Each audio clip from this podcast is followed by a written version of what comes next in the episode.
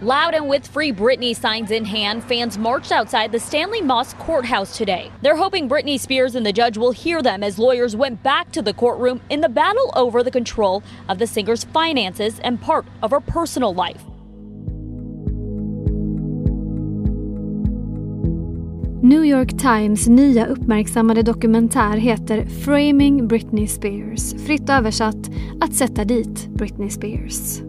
Och den tecknar en bild av en jagad superstjärna som aldrig fick vara i fred, som ifrågasattes för allt, som utsattes för intrång i privatlivet som sexualiserades och som drevs till ett ännu sämre psykiskt mående. Detta under en tidsperiod när medier över hela världen, även Aftonbladet, satsade hårt på kändisjournalistik och uppseendeväckande paparazzibilder. Guys, let us walk. Let us walk, please. Let us walk, please. Gotta make a hole. Gotta make a hole. Stay on one side. Britney Spears som snart fyller 40 lever sedan många år under ett förmyndarskap där hon inte själv har kontroll över sina beslut och sina pengar. Men de trogna fansen är på hennes sida och har bildat en rörelse kallad Free Britney. Vi ska prata om bilden av Britney Spears då och nu. Hur har reaktionerna på dokumentären sett ut? Varför är hennes pappa förmyndare trots att hon inte vill? Och när ska Britney själv prata ut? Det här är dagens Aftonbladet Nathalie Demirian är journalist på Aftonbladets nöjesredaktion. Dokumentären Framing Britney Spears har ju blivit väldigt omtalad. Vad är det framförallt som folk reagerar på och pratar om efter att ha sett den? Vi hör Nathalie Demirian. Ja, den här dokumentären avslöjar faktiskt ingenting nytt om Britney Spears och hennes situation som liksom har fått folk att rasa nu. Däremot så har den stora chocken varit att se hur det var då genom så 2021 ögon och efter en metoo-tid. Eh, man får se liksom all sexism hon utsattes för redan som väldigt ung. Hur mycket folk la sig i och analyserade varenda steg hon tog, allt hon gjorde, allt hon hade på sig, hur förföljd hon var av paparazzi. Så det är ju, folk har liksom reagerat återigen på liksom det och också på att hon faktiskt haft en förmyndare i väldigt, väldigt många år. Ja, vi kan väl prata om det. Det är mycket fokus på det här förmyndarskapet i dokumentären. Och Britneys pappa har då varit hennes förmyndare i 13 år. Total kontroll över sin dotters liv och beslut och, och, pengar om jag förstår saken rätt. Hur har de senaste turerna kring det här förmyndarskapet sett ut? Vi vet ju faktiskt väldigt lite om hur Britney och hennes pappas relation faktiskt är idag eftersom att ingen av dem har gått ut och pratat om det på väldigt länge. Det vi vet är att Britneys advokat eh, Samuel Ingham i höstas sa att Britney är rädd för sin pappa och tänker inte jobba med musik igen så länge han är hennes förmyndare. Och i höstas fick Britney avslag på att få bort honom som förmyndare så vi vet att hon försöker få bort honom. Det som däremot hände i höstas och som sågs som en liten vinst för Britney var att ett kapitalförvaltningsbolag, Bessemer Trust, anlitades för att dela på förmyndarskapet med hennes pappa Jamie Spears. Jamie i sin tur ville behålla full kontroll och nu i februari så blockerade en domare hans vilja så han tvingas helt enkelt numera att dela på förmyndarskapet med det här bolaget. Så det är det senaste som har hänt i det här. För Britney har ändå jobbat lite grann under de senaste åren, visst är det så? Absolut. Hon har ju haft en så här Las Vegas residency där hon hade massa konserter under en period i Las Vegas. Hon har släppt album under den här perioden. Men det var länge sedan sist. Det var länge sedan hon stod på en scen sist. Och det ska då ha att göra med att hon inte vill jobba just nu enligt hennes advokat. Men Britney har själv på sin Instagram skrivit att ja, jag saknar absolut att vara på scenen men just nu försöker jag bara lära mig att leva livet som en normal människa. Så man vet inte riktigt så här, varför hon faktiskt inte står på scenen numera. Och man vet inte helt heller varför hon fortfarande behöver eh, förmyndare om jag förstår saken rätt. Exakt, det är ju verkligen det alla vill veta. För vi vet så himla lite om hur hennes liv faktiskt ser ut idag. Eh, framförallt vet vi i stort sett ingenting om hennes mående. Det vi vet är de här rättegångsturerna om förmyndarskapet. Och så vet vi det hon visar upp på sin Instagram. Som ju är en himla massa märkliga videor och bilder Mm. Eh, och vi vet också att så här, hon har en pojkvän sedan slutet av 2016. Och, alltså vi vet liksom lite saker om hennes liv så, men vi vet inte jättemycket. Några som verkligen tolkar eh, tecken och så på hennes Instagram är ju Free Britney-rörelsen. Som har en väldigt stor del också i den här dokumentären. Kan du inte berätta, vilka har startat den här rörelsen och, och, och vad vill de?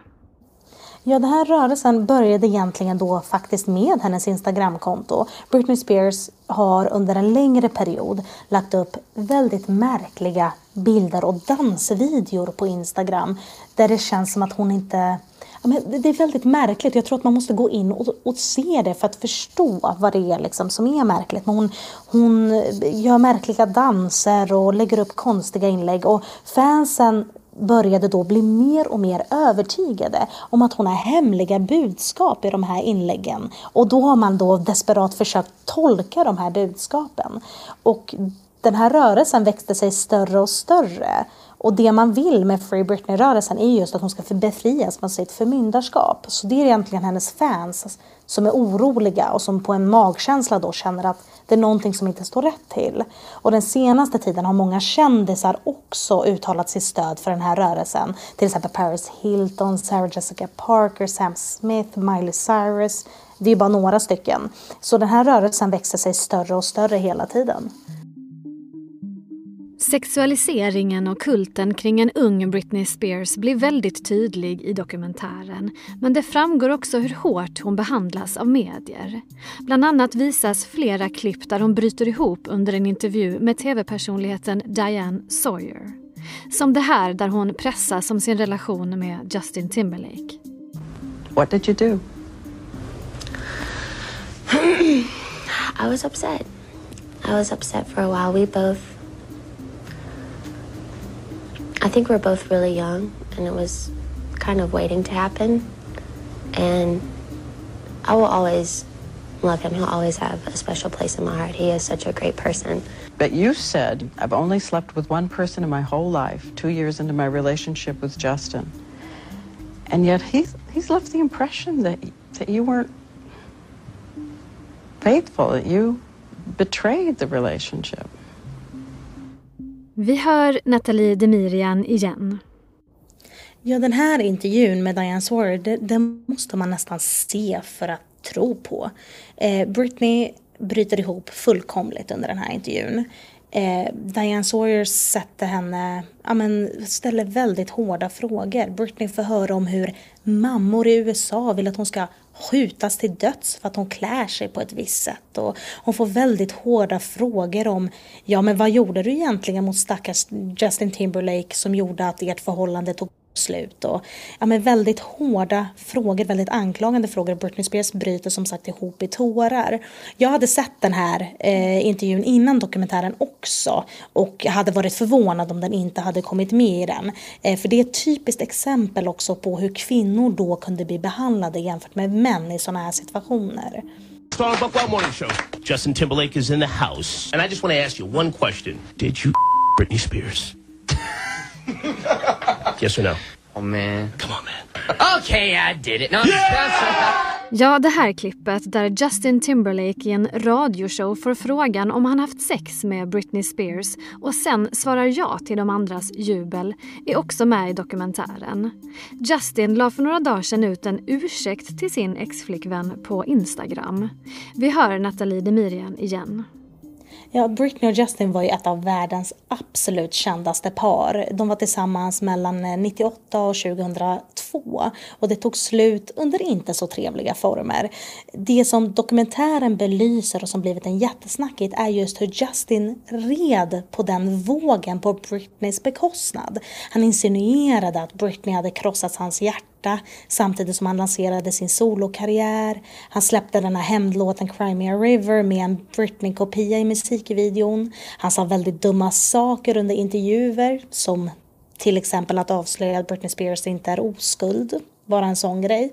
Eh, och han kastade henne helt enkelt under bussen. Och efter den här dokumentären har Justin fått väldigt många arga kommentarer på sin Instagram.